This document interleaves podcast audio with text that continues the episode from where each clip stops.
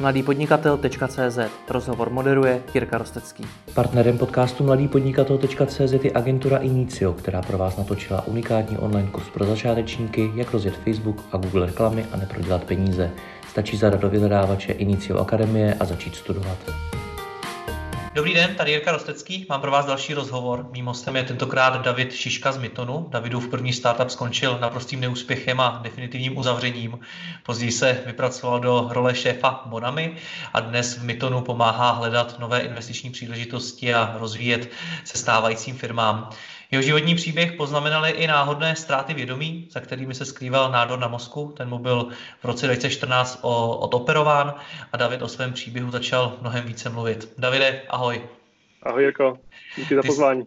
Já moc děkuji za to, že jsi si našel čas. Ty jsi teď momentálně někde na chatě, tak mimo civilizaci, takže nám možná bude vypadávat signál, tak se omlouváme i posluchačům a divákům, kdyby náhodou nastaly nějaké problémy. Ty si ten svůj příběh začal sdílet článkem na svém blogu, kde si mimo jiné přiznal, že si dlouhou dobu lidem kolem sebe neříkal pravdu a neříkal si jim, jaká je ta skutečná realita tvého nejenom biznesu, ale i tvého života. Tohle to vnímám u řady dalších lidí, opět nejenom z oblasti biznesu. Co k tomu vůbec člověka vede? Jo, uh, dobrá otázka. Já jsem se to vlastně taky potom snažil nějak uh, nad tím přemýšlet, proč to tak je. Uh, jedna z věcí, co si myslím, je, že uh, spousta lidí jsou takový ti high achievers, co chtějí uh, dobít svět a, a vybudovat velké firmy a možná nechtějí jakoby zaprvé vypadat zranitelně, to je jedna věc, ale druhá věc je, je to, což je možná důležitější, je to, že vlastně ty nechceš, aby si byl definovaný tím, že jsi nemocný a nechceš, aby se k tobě lidi chovali tak, že tě jakoby litují, nebo že jsou na tebe hodnější, naopak chceš prostě, aby že, že chceš prostě, aby na tebe byli autentičtí a, a přímí, stejně jako, uh, stejně jako vlastně pro normální lidi, kteří prostě nemoc nemají. Uh, takže to byl ten můj hlavní důvod, který jsem si říkal, že vlastně chci, aby lidi se ke mně chovali úplně stejně. Um, další věc, co potom vlastně jsem si ještě přemýšlel, že u těch větších firm, potom už, který třeba mají investory, tak pokud ten člověk je nemocný, tak už to taky může, když, to, když je ta firma na, na burze, tak to třeba může zahýbat a akciema a a vůbec vlastně tím, jak, jak ta firma je potom podporovaná dalšíma lidmi. Hmm. Takže to si myslím, že může být další důvod.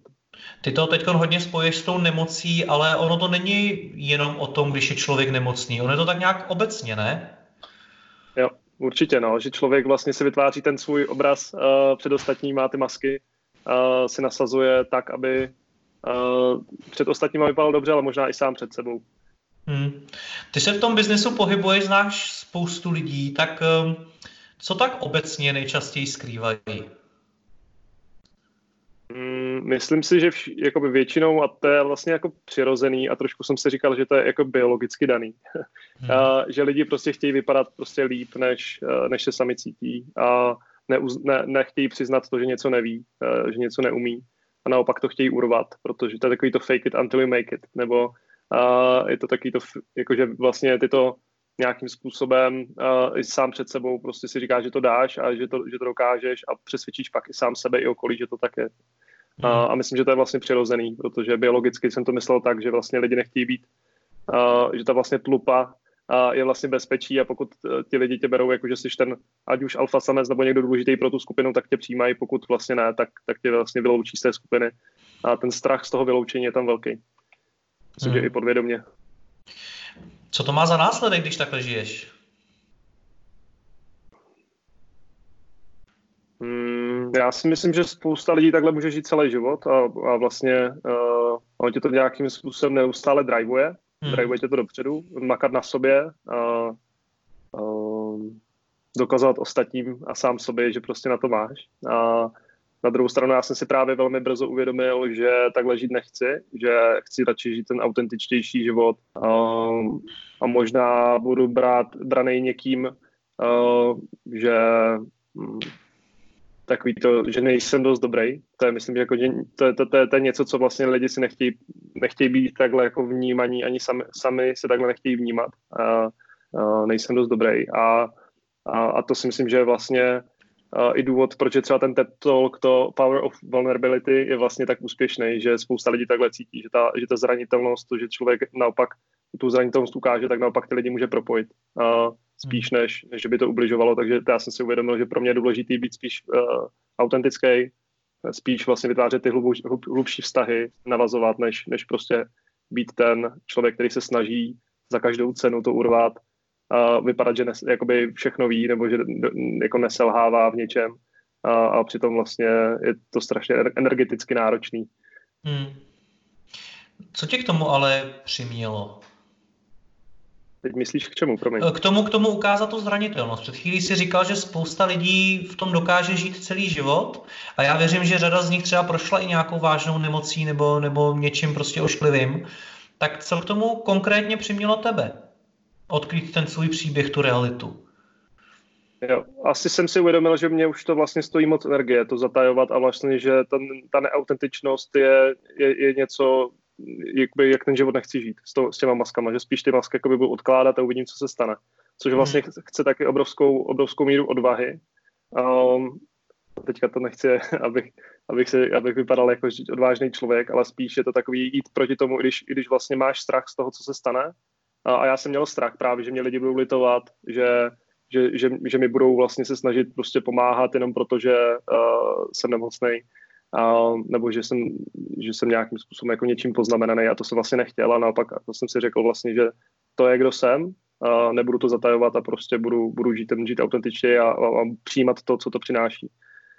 Hmm. Já jsem od lidí, kteří jsou třeba nějak vážně nemocní, tak jsem několikrát slyšel, že právě ta snaha ostatních jim co nejvíc pomáhat, jim kolikrát eh, naopak ubližuje. Je to teda i podle tvý zkušenosti pravda? Setkal jsi se s něčím podobným? Mm, s tím jsem se asi nesetkal. Naopak já jsem byl strašně příjemně překvapený tou odezvou toho, že ta obava se vlastně vůbec nenaplnila, že mě vlastně nikdo nelitoval. A naopak to vlastně... možná až morbidně trošičku z Ne, a tak je, je, to prostě, tak já jsem to přijímal taky, jako vlastně stalo se mi to, je to výzva, tak pojď, pojďme hledat vlastně jakoby řešení toho, jak uh, to co nejlíp zvládnout. Hmm. Um, a, a ne, nemá smysl teďka se jakoby litovat a nemá smysl tady prostě jako nad tím, nad tím plakat. Samozřejmě první chvíle taková, že to zaskočí, protože to nečekáš a najednou se ti vlastně jako mentálně zboří ten tvůj ten život, který jsi nějak naplánoval, uh, tak najednou si uvědomuješ, že vlastně vůbec netušíš, co bude za měsíc, za týden, za půl roku, protože eh, vlastně neznáš tu prognózu a snažíš se o tom co nejvíc potom jakoby načíst si. Udělal jsem vlastně maximum pro to, aby to všechno dopadlo dobře a, naštěstí to vlastně teďka je jako vlastně dobrý, ale, ale vlastně v tu první chvíli nevíš a, a to je vlastně stra, strašně jako humbling uh, zkušenost, která mě mm, která, za kterou jsem strašně rád v tom životě, protože mám pocit, že mi to urychlilo spoustu věcí a právě ty jsi ptal, uh, jakoby jak to, že někteří lidi s těma maskama žijou celý život, tak já vlastně díky téhle zkušenosti jsem si uvědomil, že nechci dál. Co to urychlilo ještě? Urychlilo to, mm, já jsem, hodně, já jsem člověk, který hodně si čte a přemýšlí nad věcma, uh, takže mě to urychlilo to přemýšlení nad tím, co dál v životě dělat. Uh, mm-hmm. Smysluplnost. Um, a vlastně mě to nějak, jakoby, jsem jakoby shiftnu, jakože jsem se přesunul na, jinou, na, jinou, na jiný způsob přemýšlení o tom, jakoby, co má v životě smysl a nad tím, proč tady vlastně jsem na tom světě. Hmm. Protože to je takový, ten, ten slavná, uh, slavná inaugurační uh, řeč uh, Steva Jobse, tak, tak je to prostě pravda. Jakmile máš jakoby, tu smrt uh, před sebou a, tak, a každý den, že memento mori, tak tě to vlastně, uh, je to strašně po, strašně jakoby pokorný a strašně je to, je to filtr na to říct si, co má smysl a co nemá smysl. A, a to teďka to zní jako strašně honosně. Jo. Já jsem vlastně uh, 14 dní si vzal volno, když jsem šel na operaci uh, mozku a pak jsem se vrátil a pracoval dále. Jo. Takže jenom pro kontext, uh, trvalo mi to x let, protože hnedka půl roku na to jsem přijal uh, roli CEO Bonami a byla to největší masakr, co jsem vlastně v životě zatím zažil tou rychlostí změn a tou rychlostí růstu a, a té, té, tou komplexitou. A, a vlastně zvládl jsem to do nějaké míry uh, dostat tam, kam jsem chtěl, a, ale vlastně už při té cestě těch, mě to trvalo dva, tři roky, uh, když jsem vlastně hmm. si o tom přemýšlel, co dál chci dělat a vlastně mi to urychlilo to rozhodnutí, že že vlastně uh, rozjíždět dál bonami a růst dál s bonami je vlastně něco, co už dál nechci. Tak, to, čeho jsme se báli, se nakonec skutečně stalo, teď nám to na chvilku vypadlo, tak se omlouváme. Uh, Davide, skončili jsme uh, u toho, vlastně u té smrti. Ty jsi tam narazil na proslov Steva Jobse, který v tom svém proslovu, pokud si pamatuju dobře, říkal, že smrt je destinace, kterou všichni sdílíme. A mě by zajímalo, podle tvé zkušenosti, jak to ten kontakt se smrtí změní pohled člověka na biznis. Jestli třeba si najednou uvědomíš, že vlastně v té firmě děláš zbytečné věci, nebo že se nechceš už za ničím hnát, nebo co to konkrétně způsobí? Jasně. Uh, no, jedna věc je určitě to, že si že přemýšlíš, jako proč to všechno děláš. Uh, odkud to vlastně jde, ten, ten motor, který tě žene dopředu. Uh, jestli to častokrát to je to, že právě chceš někomu něco dokazovat. Uh, a u, te, u tebe to slyším často v těch rozhovorech, že to jsou nějaký programy z dětství a od rodičů to všechno přejímáme, no to tak je, já tomu věřím. A, takže u mě to bylo vlastně podobně a tak to, byla, to bylo pro mě vlastně skvělé, že jsem z tohle rozklíčoval a, a, a uvědomil jsem si vlastně, že nechci dělat jenom věci pro, pro peníze a, a pro, pro to, abych se něco učil, což pro mě bylo vždycky důležité, abych se učil nové věci, um, ale že chci ještě ten, ten jakoby mít ten hlubší smysl v té práci jakoby přímo. Já jsem třeba Bonami dal uh, tu misi toho, že zhezčujeme lidem uh, svět skrz, mm-hmm. skrz nákup hezkých věcí, kde uh, když člověk žije v hezkém prostředí, tak se cítí líp. Ta, to, mě, mě osobně to dávalo smysl, proč to vlastně děláme, že to není jenom prodej talířů a židlí, uh, ale, ale vlastně později jsem si uvědomil, že, že bych chtěl ještě něco víc a chtěl bych to mít jakoby víc napřímo. Mm. Takže to je vlastně potom i důvod, proč jsem se jakoby rozhodl dělat něco dalšího. Um, a, a samozřejmě do toho v, v tom každodenním životě, tak počas se na tom zapomeneš, že, že se něco takového stalo, takže uh, s odstupem času už jsem vlastně na to tolik nemyslel, ale, ale v začátcích to určitě je tak, že se snažíš neřešit hlouposti um, a snažíš se uh, prioritizovat, co je, co je opravdu důležitý a mít ten odstup těch věcí. Co ti, co ti pomohlo se vůbec soustředit? Protože já vědět, že jsem takhle vážně nemocný, tak já nevím, jestli bych na tu práci vůbec měl myšlenky. No já jsem to měl tak, že vlastně tou operací se jakoby léčba ukončila mm-hmm. a já teďka jednou za rok chodím na, na, na sken vlastně, jestli se to nějakým způsobem vrací nebo ne, takže ono... Jasně, tím, tím... promiň, já, já to asi upřesním, já jsem myslel, když jsi se to dozvěděl, že vůbec takovýhle problém máš, nemyslím eh, po té operaci, ale před tou operací. Jasně. Hmm. Je to tak, že paradoxně mě ta práce vlastně pomohla se od toho nějakým způsobem uh, vzdálit.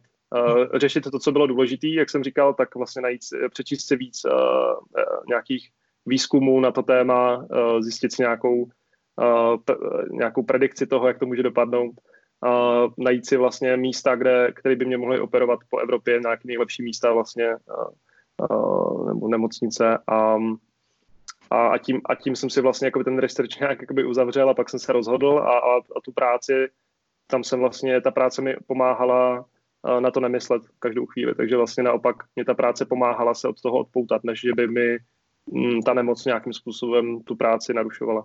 Hmm. Já jsem s tebou ten rozhovor chtěl natočit eh, v téhle době, i protože procházíme že jo, teď nějakou krizí a řada podnikatelů to třeba ve své firmě teď může mít těžký. A tak by mě od tebe zajímalo, co bys tě s těm lidem vzkázal.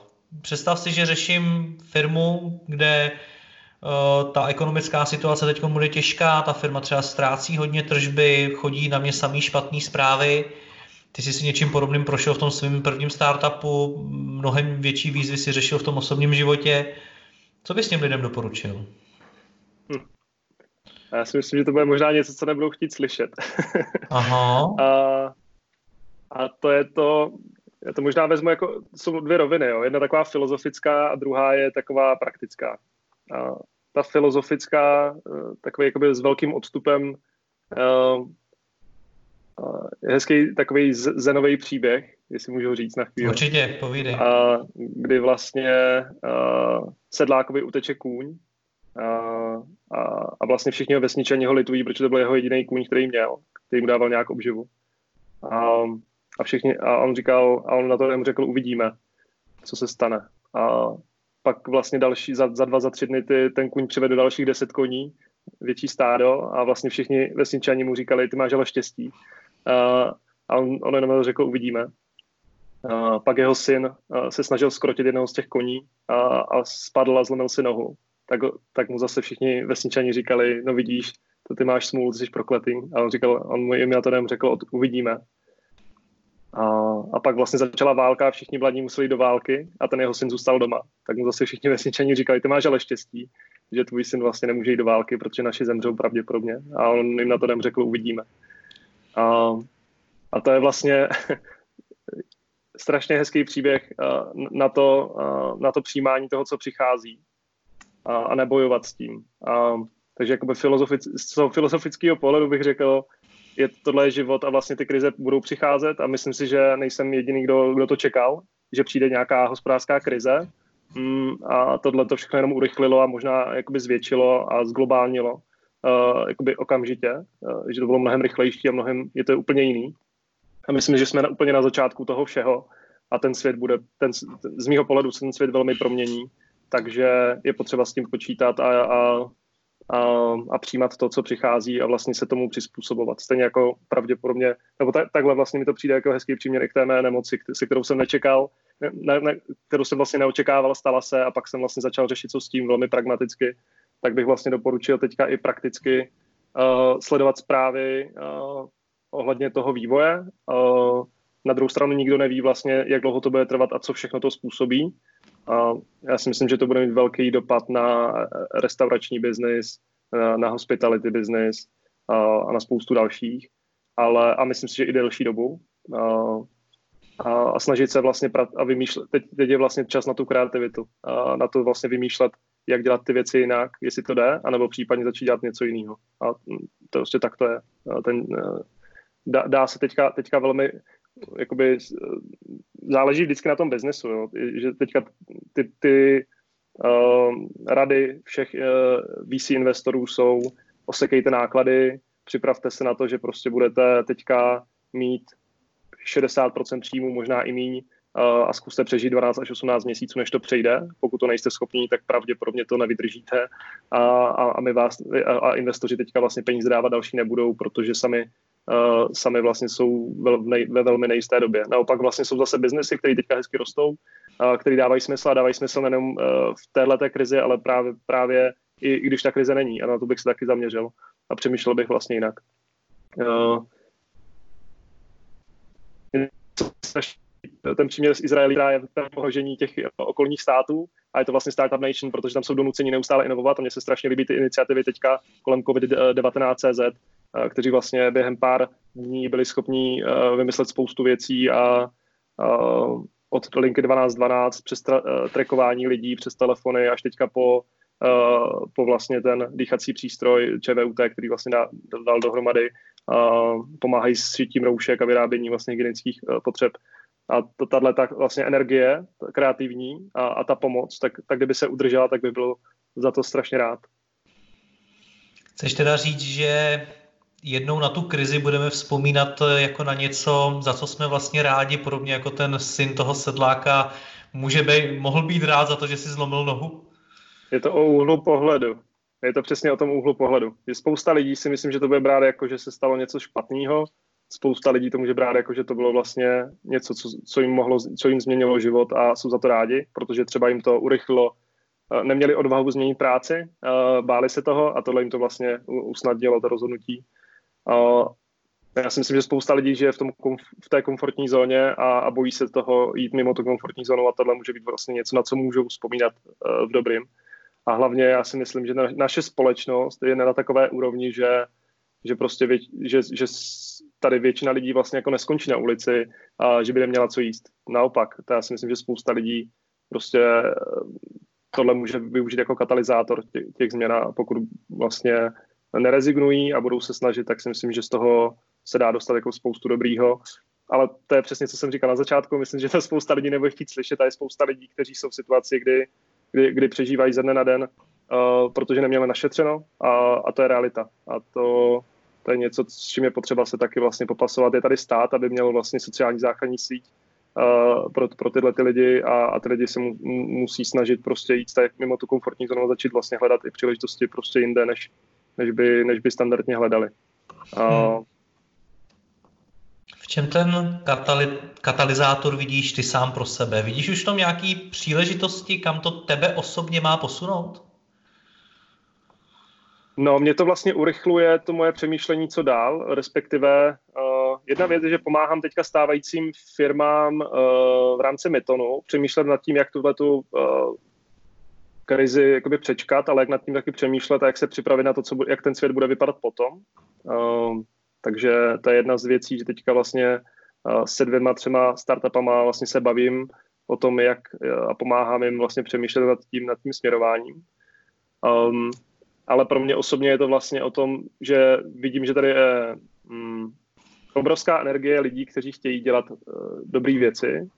A, a já vlastně přemýšlím nad tím teďka, jakým způsobem nejenom na, v české, na české úrovni, ale třeba na globální úrovni, tak vlastně propojit lidi, kteří chtějí dělat dobré věci, který vlastně uh, uh, řeší problémy uh, světový nebo výzvy, který, který vlastně jakoby před kterými uh, jako svět stojíme a chtějí vlastně s tím pomoct a chtějí to řešit. Takže to je něco, co třeba mě teďka velmi, velmi zajímá, mm, protože jedna věc je teďka tady se vlastně nějak covid přežené, přijde pravděpodobně nějaký hospodářský útlum, ale, ale všechny problémy typu uh, globální oteplování, typu prostě růst, nárůst technologií a komplexnost toho světa, uh, nedostatek zdravotníků vlastně v některých částích světa, uh, a spousta, spousta dalších věcí, které ten vlastně svět trápí, tak, tak pořád je bude potřeba řešit.